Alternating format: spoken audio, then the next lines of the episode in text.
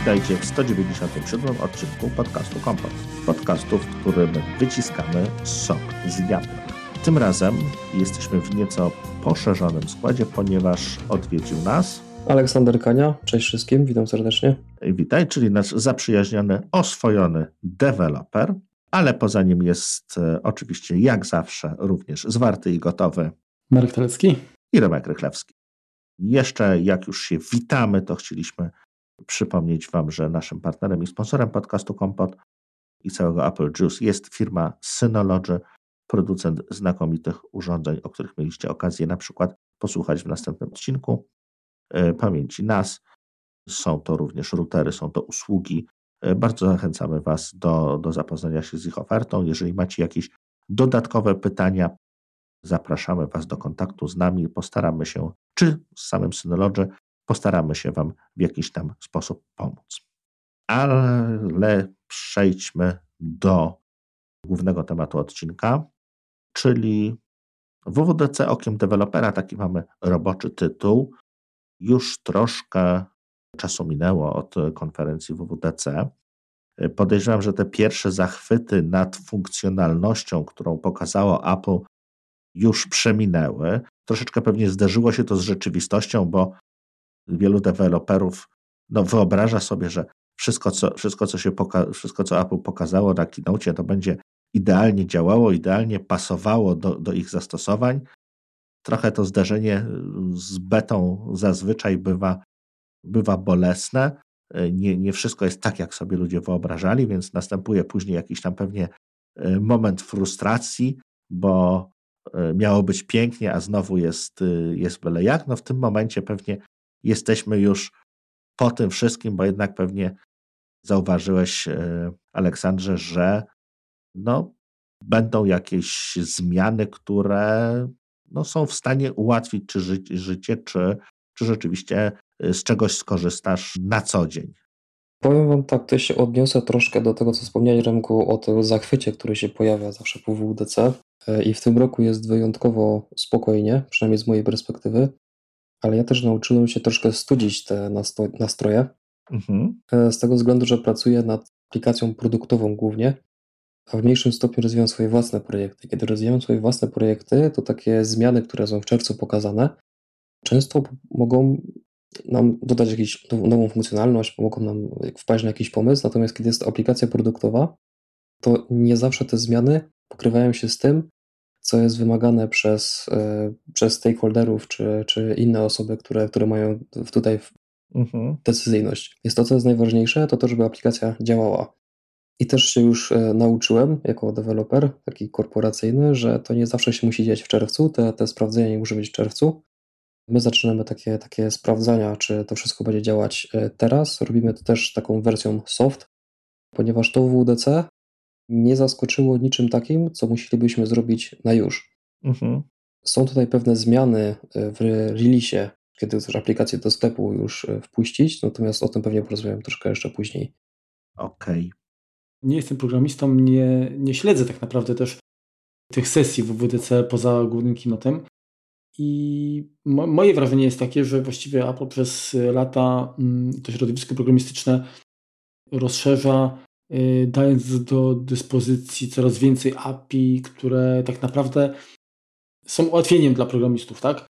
W sensie, że pozwalają rozszerzać możliwości aplikacji, dają y, możliwość y, wdrożenia pomysłów, które wcześniej nie były jakby możliwe, ale to jest mój punkt widzenia, który bazuje na, na że tak powiem, wierzchołku góry lodowej. Natomiast ty jako programista y, mierzysz się z tym od kuchni i jestem ciekaw po, po prostu, jak ty właśnie to widzisz, jak, jak ty oceniasz, y, czy to, co Apple robi, czy to jest jednak też dużo marketingu, czy, a technicznie to nadal gdzieś tam kuleje, nie do końca działa i jest to często bardziej taka zmiana, tak? Te, te, te, te, ten, ten progres, to y, wymusza na, na tobie, jako na programiście, przepisanie wielu, wielu elementów y, aplikacji od nowa, czy jest to dodatkowe utrudnienie, czy, czy właśnie raczej y, pomoc na dłoni?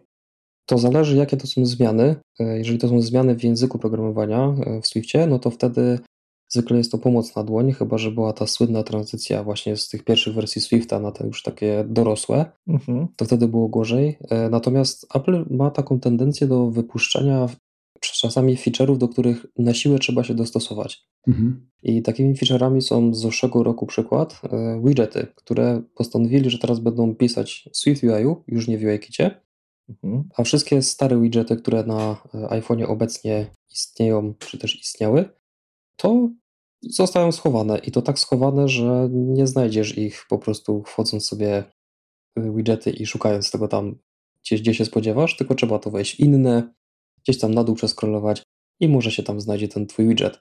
Natomiast te, które były napisane z UI, były promowane. U nas się to skończyło w taki sposób, że stwierdziliśmy, że będziemy musieli pozbyć się tego starego widgetu, skoro on i tak już nie jest nawet widoczny. Mhm. Więc nie ma sensu go, go rozwijać i pojawiły się po prostu plany na zrobienie nowego SwiftUI. W tym roku takich zmian nie było. E, w tym roku ulepszyli te widgety, żeby one działały na tym dark mode, czyli wiemy, że to, co nadchodzi we wrześniu, to będzie, to będzie wygaszony ekran. Ten tryb, jak jest ekran telefonu wyłączony, to coś na tym widzimy w każdym razie. Mm -hmm. Więc e, to będzie, będzie prawdopodobnie w iOSie wprowadzone, ale jak się teraz to nazywa, to kompletnie z głowy mi wypadło. Widocznie nie jest potrzebne. Nazwijmy to always, always on display. Tak. Dokładnie, dokładnie tak się to nazywa. Tak.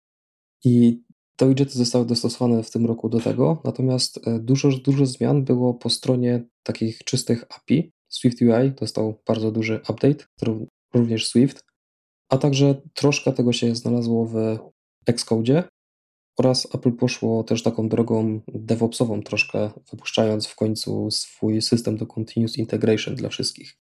Okej, okay. Remku, masz jakieś pytanie? Bo jak nie, to ja mam zaraz. To dawaj od razu.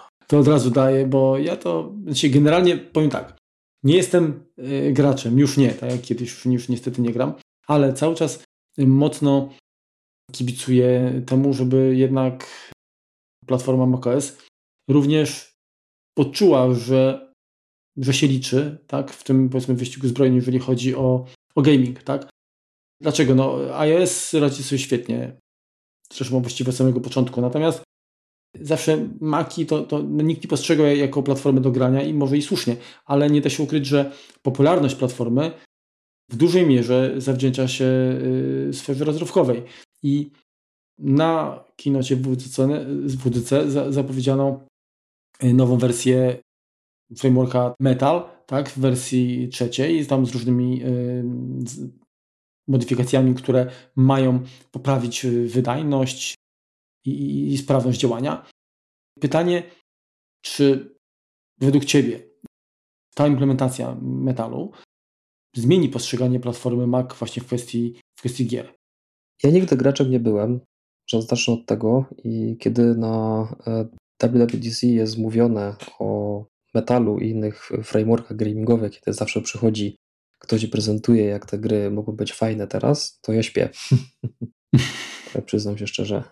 Natomiast, natomiast trzeba tutaj rozważyć Maca jako potencjalną platformę do gier, bo Apple goni, bardzo, bardzo goni te, te technologie, które już mamy dzisiaj, DirectX, OpenGL. Apple stara się dogonić to, tylko że nie ma tutaj deweloperów, którzy chcieliby te e, platformy wspierać, no bo jeżeli no jest... właśnie, czy, czy, czy, czy Metal 3 jest w stanie przyciągnąć deweloperów, którzy chcą pisać y, albo, albo portować gry, tak? Bo, bo to jest problem.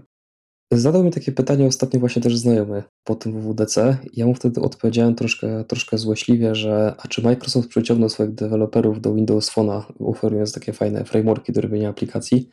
No nie, bo nikt nie chciał przechodzić. Ludzie się osiedli, osiedli się ludzie na Mac, na iPhone'ach, na Androidach i nikt nie chciał przechodzić do, do Microsoftu, nieważne jak fajnie, fajnie byś tam programowało. Ja zauważyłem taką tendencję na rynku, na przykładzie rynku, na, na przykładzie gry Diablo. Diablo 3 to jest dość stara gra, ona tam ponad 10 lat już ma. Mhm. Ja chciałem w to zagrać, kiedy zaczęła się pandemia i faktycznie mi się to udało. I udało mi się nawet na Macu, bo miał oficjalne wsparcie. Natomiast y, później pojawiły się komputery z M1 E, I okazało się, że wsparcia na to nie będzie, a i na Intelu przestało to działać. I oficjalna, oficjalna odpowiedź, oficjalna odpowiedź Blizzarda była taka, że na forum. Platforma nie jest dla nich priorytetem, według nich wszystko jest w porządku. Oczywiście ludzie tam krzyczyli w komentarzach, że nie działa, że tnie e, i czy będzie wsparcie, wsparcie na M1. Temat ucich, tematu dalej nie śledziłem, ale myślę, że to pokazuje, jak mały musi być rynek, rynek zbytu na te gry na Macu, że, żeby deweloperzy się tym zainteresowali. Ja troszkę wiem, jak to działa od kuchni, takie zbieranie, zbieranie danych. E, po prostu analityka nie pokazuje, że warto tutaj, że jednak większość, większość graczy jest konsolowa, Windows i mobile. Teraz mobile bardzo idzie do przodu, jeśli chodzi o, o gry. I paradoksalnie właśnie tutaj Mac może troszkę zyskać przez, tą, przez to, że gra i tak już będzie przeportowana na, na iOS-a, więc no, z dobrodziejstwem inwentarza jakby zmiana interfejsu, przystosowanie do, y, do innego sterowania i w tym, i w tym momencie może, może być również dostępna y, na Macu. Ale też tak jak, tak jak, tak jak mówisz, to jakby nie, nie widzę tutaj jakby szczególnie, szczególnie zachęty. No fajnie, że te, te API jest, może przyda się do czegoś innego, jakiś VR, AR, te, te sprawy, ale, ale tak jak tak, tak jak się, się mówi, no to, to Mac jest o tyle ciężką platformą do, do pisania gier, że tak jak mówiłeś, że on się zmienia, tak? To nie jest tak jak w Windowsie, gdzie e, dane API właściwie działa od zawsze, od 150 lat i jest to tylko dobudowane nowymi funkcjonalnościami gdzieś obok, czy, czy jakoś inaczej. Po prostu, w, jeśli chodzi o Apple, Y, stare technologie wypadają z systemu i, i nie są wspierane, dlatego, dlatego dla, dla producentów gier, czy w ogóle oprogramowania jako takiego, robi się czasem problem, ponieważ trzeba, jeżeli chcemy wspierać daną aplikację, no to musimy nad nią popracować, żeby dostosować ją do zmian, które są w systemie. Ja niestety do dzisiaj spotykam się z takim, taką opinią, że na Maca nie ma żadnych programów. I kiedy zadaję to pytanie, których konkretnie programów nie ma, bo mi, jako powiedzmy semi-pro-userowi macOS nie brakuje niczego, no to e, nagle się okazuje, że mój znajomy konstruktor, on nie ma programu A, programu B, programu C, no bo on potrzebuje to do, do jakiejś konstrukcji silników, maszyn i tak dalej. Mhm. I zawsze mu powtarzam, ale słuchaj, to nie jest to nie jest platforma Mac, nie jest dla ciebie w tym momencie. Twoje narzędzia są, nie są stworzone dla tej platformy i to nie znaczy, że twojego programowania tutaj nie ma, to nie ma żadnego innego. Nie można w ten sposób na to patrzeć. Zgadza się, no typowo, e, typowo jak gdyby tak jak dedykowane do jakichś wąskich, y, wąskich zastosowań. Oczywiście te, tego oprogramowania jest troszeczkę mniej. Natomiast no, jest, jest Fusion, jest, jest sporo programów takich popularnych do, do, do tworzenia y, obiektów 3D, 3D czy projektowania, z którymi, z którymi sobie można poradzić. Masz rację, ale, ale tutaj chodzi o, o, o coś, coś konkretnego. No dobra, ale wróćmy, y, wróćmy do, do samego WDC i, i Apple. Powiedz, jakby był tematem, jak gdyby przewodnim była kwestia tego, że większość tej funkcjonalności, która nam się pojawia na AI, na jednym urządzeniu, tak, czy to będzie iPhone, czy to będzie iPad, czy to będzie Mac, to ona jest dostępna wszędzie. Czy również widać to w API, że rzeczywiście, no oczywiście z jakimiś tam wyjątkami, ale tak jak, tak jak było kiedyś, to nową funkcjonalność dostawaliśmy najpierw w iOSie, po roku dostawaliśmy ją w iPadzie, czasem nie, czasem po dwóch, a potem na przykład trafiała do Maca. Tak? Nie, nie, nie było to, to jak gdyby na tyle, w tym samym momencie na tyle zsynchronizowane. Czy tutaj y, rzeczywiście tak to wygląda również pod maską, że te nowe funkcjonalności są y, wszędzie dostępne, czy to jednak bardziej jak, jakby, jakby marketing? Troszkę marketing, e, natomiast jeżeli chodzi o iPhone'a i, i iPada, to tutaj mhm. troszkę inaczej to wygląda, bo już tak naprawdę od wielu lat jesteśmy w stanie projektować aplikację, która będzie się wyświetlać tutaj i tutaj. I to bardzo niskim nakładem pracy, ponieważ Apple od dawna dostarcza narzędzia programistyczne, które to umożliwiają. Tutaj jedynie gestia e, programisty i nawet nie programisty, tylko e, grafika designera, który zaprojektuje ten interfejs, żeby on na iPadzie był mhm. również dobrze i dobrze wyglądał. Ale wa ważne jest to, co ty mówisz e, o tym, że przenosimy aplikację z iPada na Maca dzięki Catalyst i teraz też dzięki temu, że mamy platformę M1. Mhm. Tutaj to wygląda tak, że bazowe przeniesienie aplikacji na Maca na M1 możesz spokojnie odpalić. Wystarczy jeden guziczek i tak jak Apple powiedziało, tak też to działa ale zobaczcie sobie większość tej aplikacji, jak to wygląda. Wygląda to po prostu no, katastrofalnie. No tak, jakby ktoś ci wziął z iPada na żywca aplikację i dał na pulpit. Tak. No, często jest to nieużywalne, nieużywalne i bolesne, dokładnie. I wielu, wielu deweloperów nie decyduje się na to, żeby to robić. Inna sprawa, jeżeli chodzi o Catalyst, gdzie już chcemy się, decydujemy się na to, że będziemy wspierać Maca i teraz chcemy przenieść tą naszą funkcjonalność z iOS-a. z iPadOS-a, mówiąc, mówiąc ściślej. Mhm. Wtedy, wtedy jest troszkę tak jak Apple mówi, ale bardziej ten marketing przeważa, bo jednak jest więcej pracy. Jednak trzeba ten interfejs troszkę do Maca dostosować, żeby był bardziej skupiony na tym kursorze niż na palcu, który tam będzie gdzieś klikał. Mhm. I przykładowo, jeżeli na iPhone'ie będzie nam wygodniej mieć jakieś menu na dole, czy na iPadzie, no to musimy teraz zaprojektować to na, na komputerze, ono będzie po lewej stronie, tak? Tak jest ten sidebar, zawsze na przykładowo w notatkach, jak jest stworzony. I to jest praca taka już typowo, jak to się mówi, dodaj ifa w kodzie. Sprawdź, jaka to jest platforma, troszkę to przebuduj, ale jednak większość tych komponentów, które już stworzyliśmy, jesteśmy w stanie użyć ponownie. Więc nie jest to taka karkołomna praca, jakbyśmy chcieli teraz aplikację przepisać w AppKicie. Przy SweetUI to już w ogóle jest e, bajka, bo tam jest jeszcze więcej kontrolek, które są wspierane po obu stronach e, tej platformy. Mhm. Ale to jest ciągle raczkująca technologia.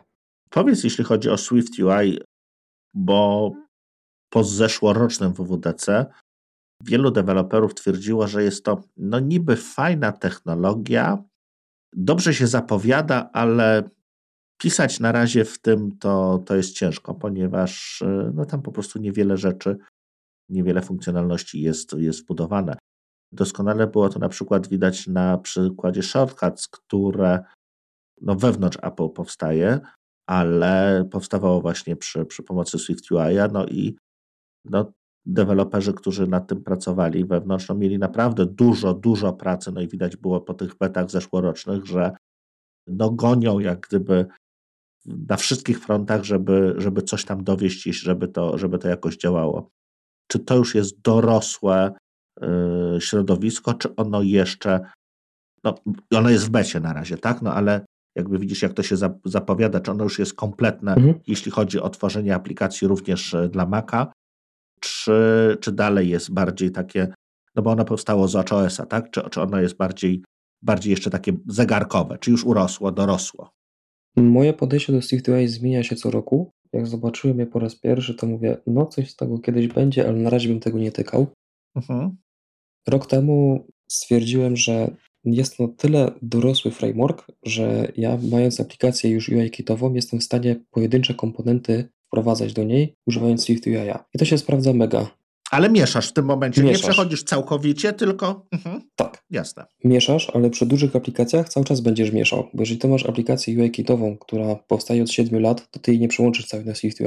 Dlaczego? Jeżeli chcesz, bo to jest za dużo przepisywania. Większość tych aplikacji, wiesz, kodu tysiąc plików, tak? E, tysiąc różnych widoków. Nie przepiszesz wszystkiego na SwiftUI. Mhm. Możesz nowe widoki wprowadzać w SwiftUI, nowe ekrany. Mhm. Możesz do istniejących, przykładowo masz jakiś widok tabelki, tak? Jasne. E, I to, co się scroll, scrolluje te elementy, te obrazki z jakimś tekstem, ty robisz w SwiftUI, natomiast mhm. to pod spodem, co masz, to to jest UIKit. I to się będzie bardzo dobrze sprawdzać. Bo ty sobie oszczędzisz czasu, zastosujesz nowy framework, ale jakby całą tą taką lwią część zrobisz w tym UIKicie. Widać to u Apple'a też, bo oni wprowadzając nowe, jakby to powiedzieć, funkcjonalności do SwiftUI, cały czas rozwijają UI, UI kita, mhm. UI kitowe. Oni chcą, żeby to łączyć. Oni ci nie powiedzą wprost, że teraz będziesz pisał aplikację tylko w, UI, tylko w SwiftUI. Aha. Natomiast jak dzisiaj bym zaczynał projekt prywatny, to w celach, w celu eksperymentu może faktycznie zdecydowałbym się na tworzenie go 100% SwiftUI, ale tylko dlatego, że jest to jakaś prosta aplikacja, na której wiesz, ja nie będę zarabiać, ja nie będę miał tutaj wiesz tysiąca klientów, mhm a raczej taka prosta aplikacja, gdzieś tam będzie wyświetlać jakieś dane i jakąś ładną, ładną animację. Natomiast w aplikacjach dużych produkcyjnych mhm. rozważnie bym to robił. No dobrze, ale czy to jest kwestia tego, że nie warto jak gdyby przepisywać tych starych, starych widoków e, na nowe? Jest to po prostu według Ciebie no, stracony czas w jakiś tam sposób, no bo yy, jakby nic nie zyskujemy poza przepisaniem. Czy to jest kwestia tego, że jakby nie wszystko na razie da się zrobić. Tak, to mieliśmy jakieś widoki, które, które były no dość mocno jak gdyby skustomizowane, było tam troszeczkę, no to zależy od programisty na pewno, ale no, różnych haków, różnych kruczków, sztuczek, żeby to chodziło dokładnie tak, jak my chcemy, a tutaj jakby chyba, przynajmniej z tego, co ja patrzyłem, no to nie mamy aż takiej możliwości stworzenia nie wiem, dodatkowych animacji czy czegoś, no bo, bo jednak no jest to troszeczkę wyższa warstwa abstrakcji. Przynajmniej z tego, jak ja rozumiem. Akurat Akurat animacja się robi bardzo fajnie w SwiftUI, ale ja bym się tutaj obawiał troszkę przepisywania, że przyjdzie taki rok teraz, czy za dwa lata, Apple totalnie zmieni API. No i wyobraź sobie teraz dużą, dużą produkcyjną aplikację, która zdecydowała się na mhm. wprowadzenie 60% SwiftUI, jeżeli muszą to wszystko naprawiać. Czyli boisz się tego, co było kiedyś ze Swiftem? Bardzo, bardzo stra- jako takim, że nagle stwierdziliśmy, że tak, dokładnie tego. wyszliśmy z przedszkola, to teraz będzie po nowemu, będzie lepiej. No i... Tak, dokładnie tego się boję. Mhm. Dokładnie tego się boję, ale też nie uważam też, że SwiftUI nie jest jeszcze na tyle dorosły, żeby zrobić w nim totalnie wszystko, że każdy widok w nim zrobisz. Takie zaawansowane widoki kolekcji, że się takie fotos na przykład. Mhm. Ja wątpię, żeby miał fotos z napisane. Czyli tego po prostu nie ma. Tam, co tam się dzieje, ta, ta, ten, ten perform, tego po prostu mhm. jest już po części w tym roku się więcej tego pojawiło, natomiast Rozumiem. to jeszcze nie jest to samo, co mamy w do, dostępne w UIKicie. Także rozwaga i rozsądek tutaj. Mhm. Ja nie mówię nie, nie mówię nie, ale też y, ja jestem już nauczony, żeby nie rzucać się na siłę na coś, co można wprowadzać małymi kroczkami. Oczywiście. A powiedz Olku, Apple Silicon, nowa platforma, no półtora roku, tak, troszkę, może więcej licząc y, ten developer kit, jak ta platforma y, namieszała programistom, tak? Czy bardzo skomplikowała życie, czy, czy przeciwnie y, uprościła coś? To zależy o co pytasz, bo na przykład u mnie w domu jest ciszej, odkąd mam Maca z M1. Jest kompletnie, wiecie, cichutko, żadnych, żadnych dźwięków, ale to pod tym względem pewno ułatwiła. Natomiast jeżeli są pewne grupy dużych aplikacji i projektów, które stosują tak zwane frameworki. Na pewno wiecie, co to jest framework. To są jakieś tam zewnętrzne zależności, które my wpychamy do aplikacji. No i były na to trzy sposoby w przeszłości. Pierwszy to był używanie takiego popularnego menadżera Cartridge, który zaciągał binarne te frameworki i wpychał je do projektu. Były Cocoa Podsy i SPM wprowadzony przez Apple'a. I o ile mhm. takie frameworki były dodane przez SPM-a, to nie było problemu przy przejściu na, na Apple Silicon. Natomiast y, przy Cartridge'u nie powiem o kłapotcach, bo z tym, się, z tym akurat nie, nie, nie walczyłem. Na przykład przy Cartridge'u po, pojawił się już problem przy samym budowaniu tych frameworków, kompilowaniu ich na tych komputerach. Bo bardzo długo e, Cartridge nie potrafił sobie z tym poradzić i trzeba było robić obejścia. Oczywiście wszystkie fora e, na GitHubie zapłonęły momentalnie, bo ludzie nie mogli kompilować swoich projektów. Oni nam szybko wprowadzili jakieś obejścia, ale pojawił się jeszcze inny problem. E, Apple chyba dwa lata temu wprowadziło inny format tych frameworków. Zawsze to był ten framework, a potem wprowadzili XC frameworki. Pewnie kojarzycie też. I nikt nie powiedział o tym, że nie będzie w stanie się odpalić aplikacji na, nawet na symulatorze, mając Maca z M1 i taki framework aplikacji, który nie jest XC frameworkiem. Wyobraźcie sobie teraz, co się dzieje. Mamy stary projekt, znowu przytoczę ten siedmioletni projekt, przychodzi mhm. nowy deweloper do firmy, dostaje Maca z M1, nie jest w stanie skompilować projektu bo mamy jeszcze stare frameworki, a wszyscy siedzą, siedzą jeszcze na Intelu. Trochę skucha. Tu się troszkę pochwalę, że udało, udało mi się zidentyfikować ten problem w miarę szybko i po, pomigrować to. Oczywiście pewne, pewne firmy, tak jak pewna wyszukiwarka popularna, Google oczywiście mam na myśli, mhm. Swoi, swoich frameworków jeszcze do dzisiaj nie wszystkie przeniosła na, ta, na ten nowy format i do, teraz jest z tym problem. Trzeba tam robić też pewne haki i obejścia, to się da zrobić, natomiast y, to jest znowu takie rozwiązanie, które z następną wersją iOS-a czy Xcode może przestać działać.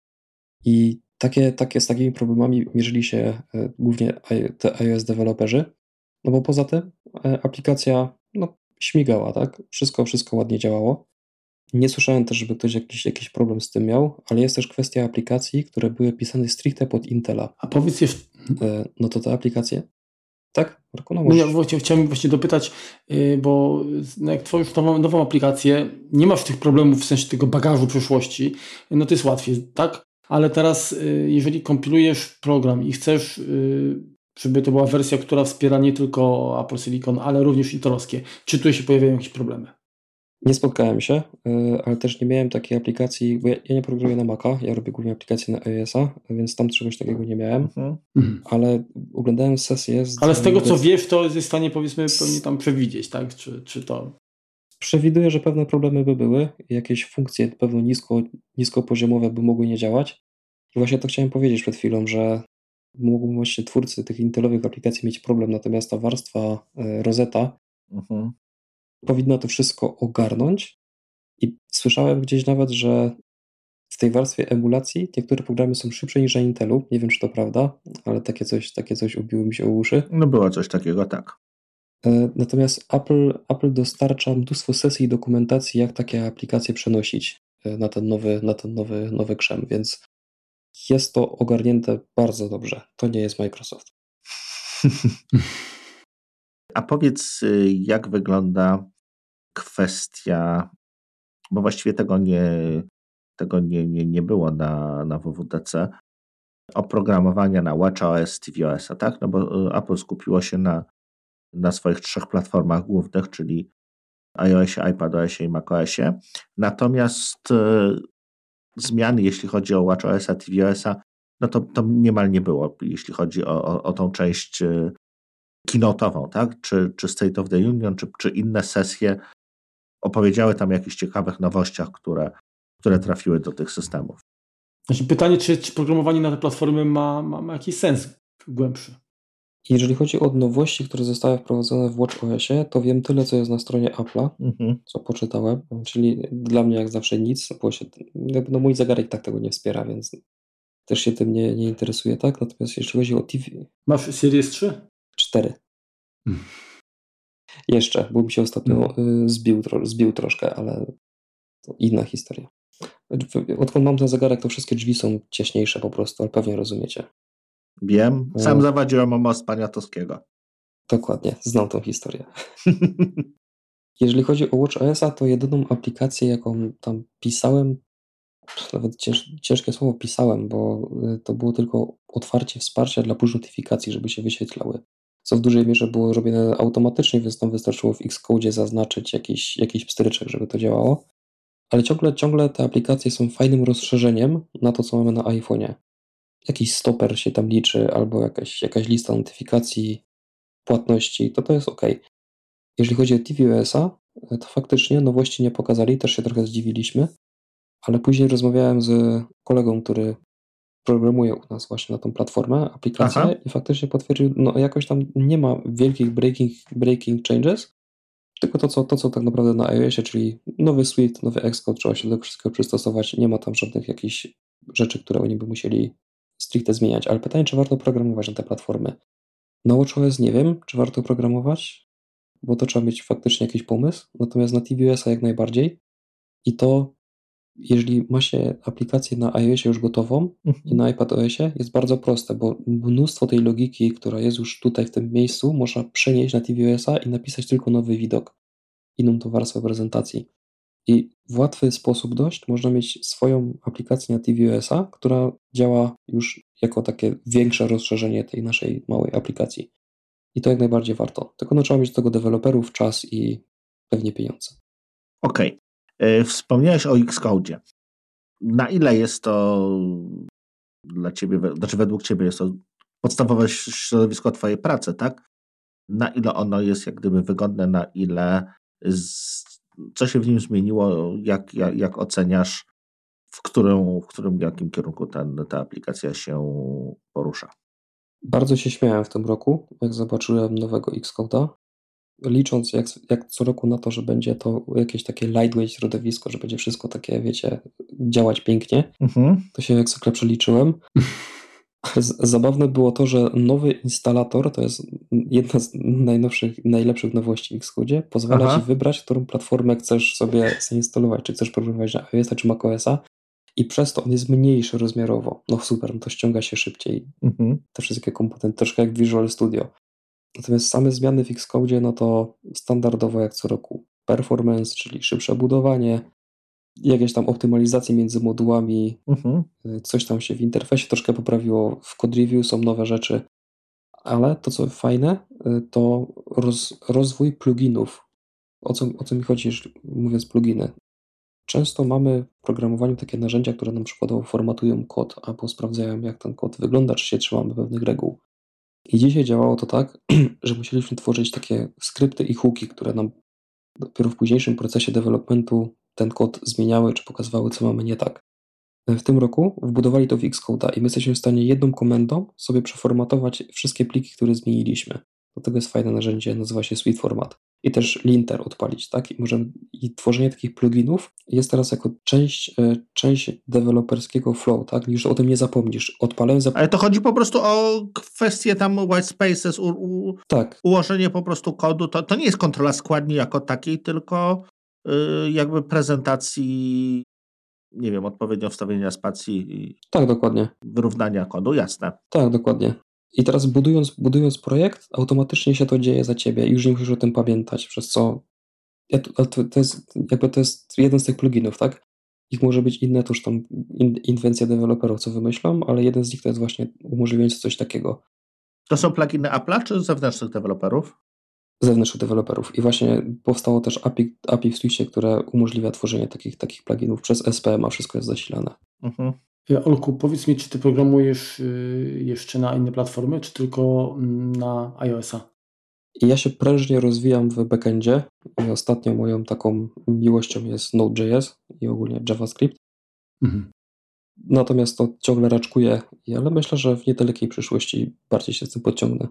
Powiem Ci jakby skąd, skąd pytanie, dlatego że Xcode, y, znaczy chciałem spytać, czy w ogóle to jest program według Ciebie środowisko doskonałe? Pewnie nie, ale y, czy jesteś w stanie odnieść się, porównując jakby Xcode'a do tego, co oferuje Microsoft, tak? Czy na przykład ten .NET, czy tam te inne platformy, środowiska, w których się tworzy oprogramowanie mm, na Windowsa, czy na Androida. Jak tutaj wypada Xcode? Na pewno ma prostszy interfejs, jest ciutkę lżejszy od Visual Studio, to trzeba też oddać. Natomiast jest bardzo prostym edytorem w porównaniu do Visual Studio. Visual Studio mam naprawdę, to jest ogromny kombajn, ma wbudowane tam wszystko dosłownie, co, co można sobie wymyślić. Ale mówisz o pełnym Visual Studio, nie tym code. Tak, mhm. tak, tak, tak, mówię o tym pełnym, pełnym Visual Studio. Natomiast Xcode skupia się na tym, do czego został stworzony, do programowania. Masz konfigurację projektu, widok do pisania, pisania w tym Swiftie, odpala, odpala tam kilka różnych formatów, formatów plików, e, konfiguracja modułów i tak dalej. I to tu się to dobrze sprawdza. Natomiast kiedy tylko mogę, uciekam z tego środowiska i odpalam Visual Studio Code albo inny lekki edytor i sobie w tym, w tym programuję. Dla mnie to jest najlepsze. To plus terminal. Jasne. Mhm. Pytaliśmy troszkę o, o, o Swift UI, a jak wygląda kwestia z samym Swift, tak? Bo tak jak, tak jak patrzyłem, no to większość nowych API ono jest już przystosowane jak gdyby składniowo, czy dostępne jak gdyby ze Swifta. Tak jak y, w zeszłym, w zeszłym roku chyba wszystkie przykłady, które były do, do, do wykorzystania z API, były w dwóch językach, tak? Były, y, były w Swiftie, jak również były, były po staremu w Objective-C. To teraz y, mamy wszystko już tylko w Swiftie. Czy to znaczy, że warto przepisać, przepisywać stare aplikacje na Swifta, czy, czy tak samo jak, jak mówiłeś o, o, o kwestii interfejsu, nowe rzeczy tworzyć po prostu w nowych narzędziach, a, a ten stary bagaż gdzieś tam na razie zostawić i, i on dalej będzie sobie mm, funkcjonował bez problemów.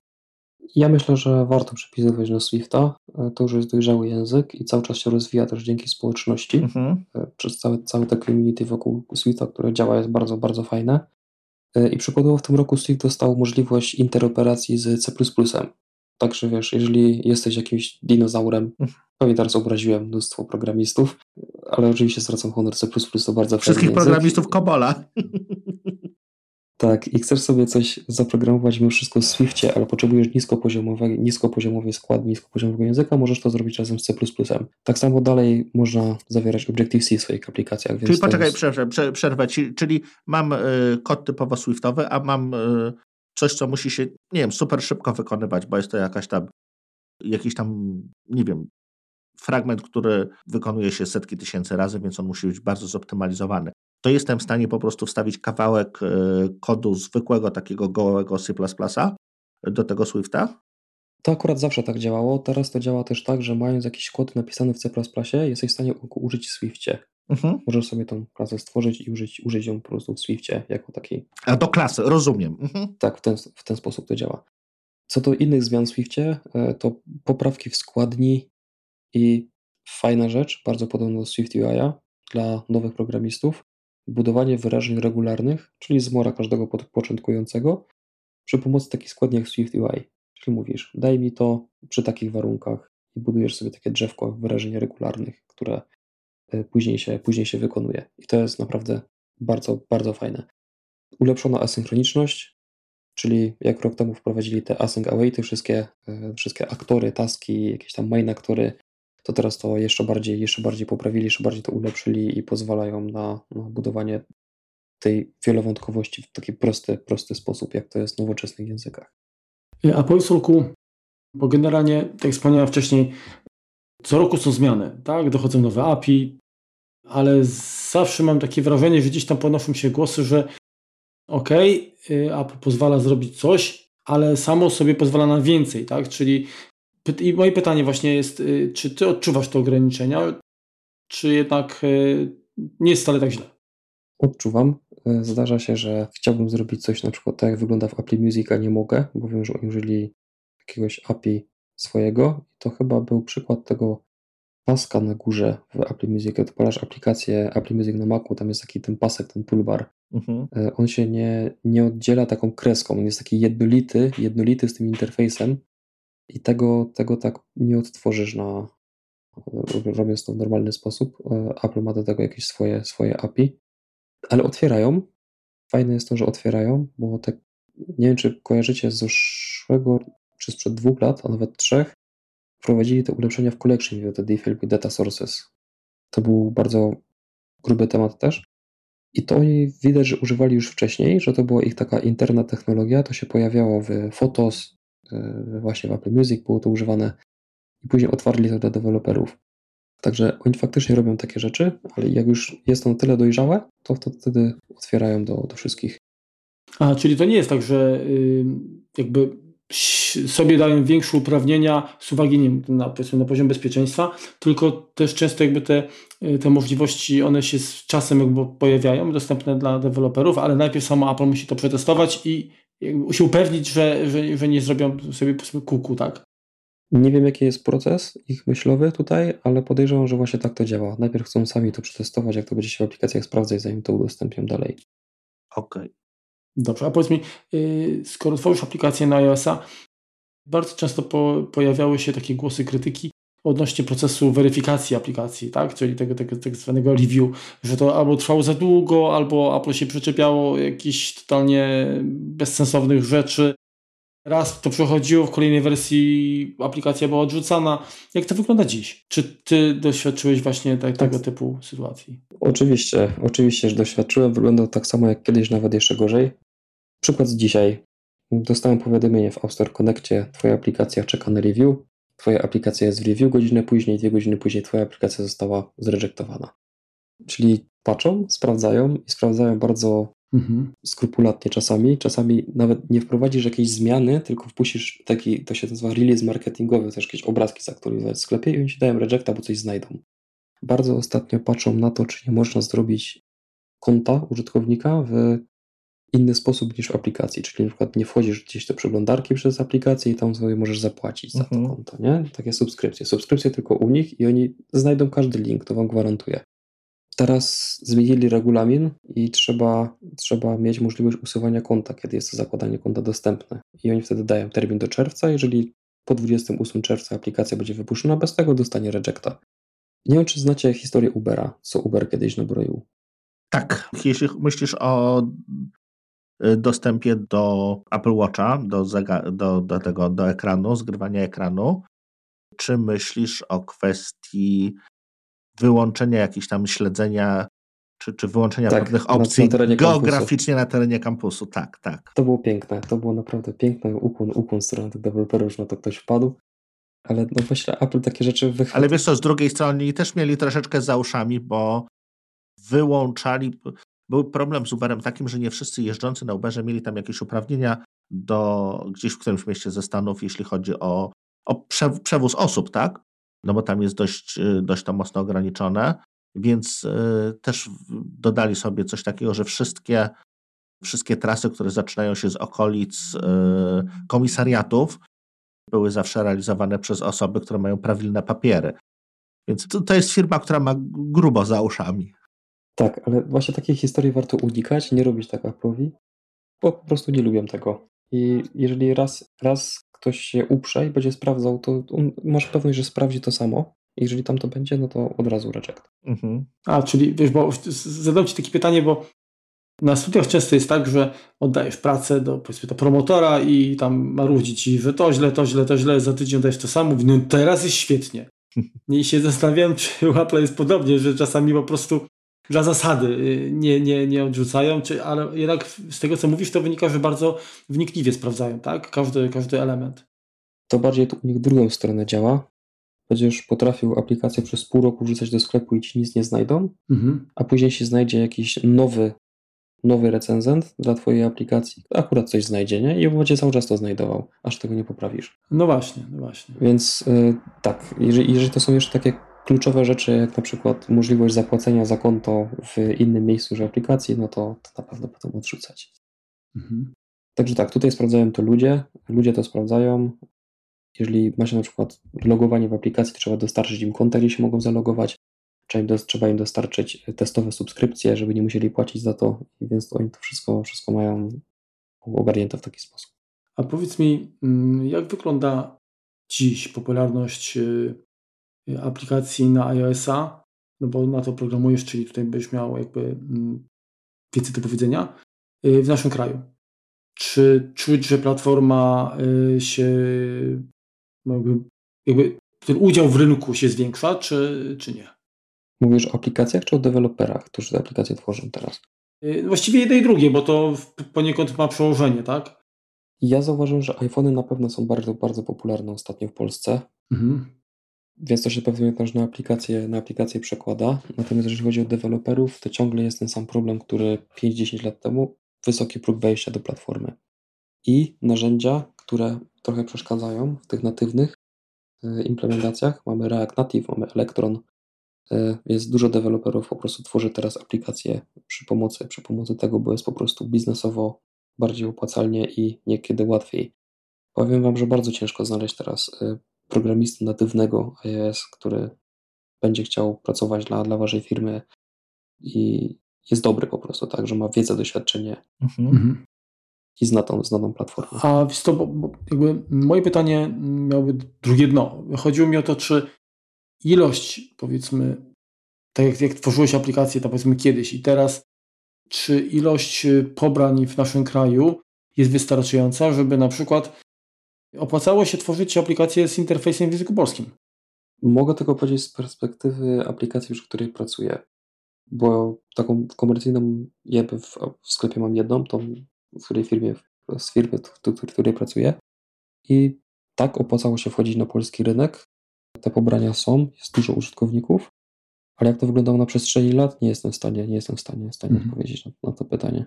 Znaczy, wiesz, tak pytam, bo kiedyś to było takie, że e, na procentowo ilość pobrań w, w Polsce jest taka, że nie, mi się tam nie, nie opłaca robić specjalnie wersji. Mówię, no dobrze, no ale kurczę, a gdzie, gdzie patriotyzm? No jak, jak okay. mamy zachęcić użytkowników? Bo... To mi chodzi o język. Tak, tak, tak. To zależy, jak aplikacja jest... No jest to jeden z elementów bo, bo powiedz mi tak, czy tworzenie aplikacji zlokalizowanej to jest duży yy, wydatek, taki, mówiąc kolokwialnie, energetyczny, czy, czy jest to uproszczone? Nie. Nie jest to wydatek duży. To się robi bardzo prosto. Natomiast myślę, że rozjaśnię Twoje wątpliwości, jak Ci powiem, że dzisiaj jakbym jakąś aplikację robił, nową, to robiłbym w języku angielskim. Po prostu by mi się nie chciało wprowadzać tego polskiego. Tylko i wyłącznie? Mhm. Tylko i wyłącznie na, na start bym zrobił angielski, a później bym patrzył, które kraje najwięcej pobierają i wprowadzał tą lokalizację. To nie jest trudne, natomiast kiedy musisz przetłumaczyć na przykład na japoński, gdzie możesz jedną, jeden znaczek zmienić i obrazić kogoś, no to wiesz, jednak tutaj trzeba, trzeba uważać. No, no dobrze, ale wiesz, no to ja japońskiego, żeby przetłumaczyć na japoński, prawdopodobnie musiał skorzystać z jakiejś tam pomocy translatora, zapłacić jeszcze komuś. Natomiast polski znasz. To ciebie kosztuje tyle, co no dużo mniej, tak? Jestem też leniwy, jak to programiści mają często, więc e, jeżeli mogę, mogę mieć jeden, jeden plik z, z tekstami i używać go w całej aplikacji, to dla mnie to jest wygodniejsze. No rozumiem. Hmm. A to jest kwestia, e, kwestia tylko implementacji, czy chodzi o również wsparcie już później tych, bo z jednej strony no to, to mamy, mamy dodany język w aplikacji, ale z drugiej strony no to musimy potencjalnie też mieć możliwość no, wspierania użytkowników w, tej, w tym danym języku. Więc tu jest pewnie. Wsparcie też. Wsparcie też. Niemiecki, niemiecki jest takim językiem, który potrafi mieć bardzo długie słówka, czasami nie mieszczące się Mhm. w pewnych elementach, więc trzeba mieć to, trzeba mieć to na uwadze i projektując właśnie aplikacje pod inne języki, zrobić research, który język się w tej aplikacji faktycznie zmieści, czy coś trzeba nie zmienić przypadkiem do tego. Ten niemiecki jest bardzo takim przewijającym się często problemem aplikacji. Natomiast jeżeli chodzi o polski, no to faktycznie nie, zwłaszcza jak się jest Polakiem, a implementacja tego jest o tyle prosta, że mamy tak naprawdę wtedy dwa pliki. Jeden z angielski, angielskiego klucz wartość i drugi z polskiego klucz wartość. Wystarczy to podmienić i aplikacja będzie to działać. Jasne. To teraz może już takie, bo chyba wypytaliśmy Cię o wszystkie rzeczy takie podstawowe, to może tak na zakończenie pytanie takie, jak Ci się podoba kierunek, w którym, w którym rozwijają się platformy Apple? Czy, czy na tym WWDC dostałeś e, to, czego się spodziewałeś, czy, czy, może, czy może coś więcej, czy może coś mniej? Jak to, jak to wygląda tak już z, takiego, powiedzmy, widoku z góry, takiego, takiego zgrubnego? Wiem, że będę musiał nowego iPada kupić, bo fajnego feature'a miał nie będę, Mhm. podobnie jak ty Remku. Też Cię to boli? Też mnie, też mnie to boli, zwłaszcza, że kupiłem niedawno, ale A który kupiłeś? Miniaka też, tak jak ja? E, Pro akurat, Mhm. ten przed M1, e, z tą, dużą wyspą. Jasne. Widzę unifikację. Widzę, że macOS i iPadOS bardzo się zbliżają w pewnych kwestiach, Mhm. natomiast cały czas nie rozumiem tej jednej, tego podziału iOS, iPadOS. Dla mnie cały czas to jest ten sam system. To jest dla mnie cały czas system mobilny i moim zdaniem to cały czas mógł być ten iOS, który w pewnych miejscach jest unifikowany z macOSem. Kiedyś Craig chyba dwa lata temu powiedział, no, że oni nie merdżują tych systemów, tak? Oni będą cały czas rozwijać je osobno, natomiast to, co Apple teraz robi, to ja mam wrażenie, że jednak robią coś innego. Jednak starają się ujednolicić te systemy ze sobą w tak, taki sposób, żeby nie było dla ciebie różnicy, czy ty pracujesz na Macu, czy na iPadzie, żebyś miał jedno i to samo. Mhm. Czy mi się to podoba? Jak to będzie działać tak jak na filmach science fiction, to tak. Jeżeli podepnę sobie iPada do, do monitora i wtedy będę mieć z tego Maca, no to jak najbardziej jestem w stanie tak pracować. To na, na koniec, jak zwykle, mamy quick tip. Wybierając NASA, Synology ma coś takiego, co się nazywa Synology Write Calculator. Już kiedyś o tym mówiliśmy, to już kiedyś było quick tipem. Chyba nawet, natomiast tutaj warto to przypomnieć. Bardzo proste wizualnie narzędzie, gdzie możemy sobie na stronie internetowej w takiego wirtualnego NASA powkładać różne dyski, jak nam, nam się będzie podobało i w ten sposób zaplanować tą przestrzeń, którą, którą będziemy mieli. Od razu piszę, ile fizycznie możemy wykorzystać danych, korzystając z, z różnych rajdów, z różnych SHR-ów, z różnych e, metod jak gdyby podziału, podziału dysku, więc, e, więc jest to wygodne i, no i pozwala w gruncie rzeczy zaoszczędzić pieniądze na tym, że kupimy takie dokładnie dyski, jakie, jakie nam będą potrzebne i tak, żebyśmy dokładnie zmaksymalizowali ich, ich pojemność w stosunku do, do naszych potrzeb. I żeby to nie było tak, że, że tylko tutaj powtarzamy, to warto zapoznać się z tym kalkulatorem, zwłaszcza jeżeli macie ochotę zainwestować yy, w nowy model, stosunkowo nowy model właśnie NASA. Yy, konkretnie chodzi o HD 65000, który oferuje aż 60 kieszeni. Tak, czyli jeżeli chcielibyście przekonać To się... tyle nawet na tej stronie nie ma dziur. To chyba nawet przerośnie możliwości tego narzędzia. No, Ale fajne urządzenie, fajne. No nie, wszystkie dyski nie muszą, wszystkie dyski nie muszą być, wszystkie zatoki nie muszą być od razu wypełnione. tak, ale chciałem właśnie tu zwrócić uwagę. No już przy takim urządzeniu to muszą, muszą, to pięknie wygląda. Tak. Jakie zalety, tak, co oferuje? E, Przede wszystkim procesor, to są dwa dziesięciordzeniowe Xeony, tak, Intel Xeon Silver. Jest y, skalowalny, bo maksymalnie możemy go rozszerzyć, tak, do 300 dysków. Dzięki jednostkom rozszerzającym RX 622 y, SAS. Ma zaawa- zaawansowane opcje sieciowe, takie jak zarządzanie poza, poza pasmem, dwa źródła zasilania, czyli mm, redundację tutaj zasilacza, E, architekturę rozszerzenia, rozszerzenia o wysokiej niezawodności, czyli nadmiarowe łącza SAS, szybką łączność, trzy porty gigabit Ethernet, dwa porty 10 gigowe, łączenie, dopasowanie portów sieciowych i przyłączenia awaryjne i równoważenie obciążenia sieci. Także no, mnóstwo fajnych rzeczy. Dobrze, no to bardzo, bardzo dziękujemy Ci, Aleksandrze, za, że nas odwiedziłeś. Mam, mamy nadzieję, że udało nam się troszeczkę e, przybliżyć e, zwykłym użytkownikom, co tam się pod maską e, dzieje, co tam się, tam się zmienia po, po, po, po ostatniej konferencji Apple, czyli czego mogą się potencjalnie nowego spodziewać w, w aplikacjach, które będą korzystały z tych, z tych nowości, które, które nam dają nowe systemy. Bardzo dziękuję za zaproszenie. Bardzo miło było z Wami znowu porozmawiać i podzielić się takim swoim doświadczeniem. Myślę, że warto o tym mówić, warto o tym słuchać, bo kiedy ja zaczynałem, nie miałem takiego źródła, musiałem wszystko, całą tą wiedzę sam zdobywać i nie znałem tych procesów od kuchni, także mam nadzieję, że się to komuś przyda. To, to, to również, również dziękujemy. Fajnie. Lubimy być przydatni. Mamy do Was y, jeszcze słuchacze pytanie, prośbę. Zbliża nam się wielkimi krokami odcinek y, dwusetny. Y, jeśli byście chcieli, no coś tam, coś tam planujemy specjalnego, natomiast jeżeli byście chcieli, nie wiem, pozdrowić w nim ciocie, wujka z Radomia czy Sandomierza, to prześlijcie plik audio na adres kompot.applejuice.pl. To, to coś takiego jak najbardziej umieścimy w, w tymże odcinku, bo będzie troszkę inne. To nie muszą być osoby z rodziny, to możecie pozdrowić sąsiadkę nawet, kogokolwiek. Tak. Będzie. Pozdrówcie kogoś z Rybnika. Dobrze, a czemu Rybnika akurat? Takie miasto zawsze zapominane wszędzie. Jest takie piękne. Zapraszam oczywiście wszystkich do Rybnika. Mhm. Okej, okay, dobrze. I, Jeszcze... I takie czyste, czyste, czy, czyste powietrze tu mamy, zwłaszcza w zimę. Zapraszam, naprawdę. Dobrze. Dobrze, no to do, do, do, do usłyszenia. Miejmy nadzieję za tydzień i, i, i trzymajcie się. Na razie, cześć. Cześć. Trzymajcie się. Hejka.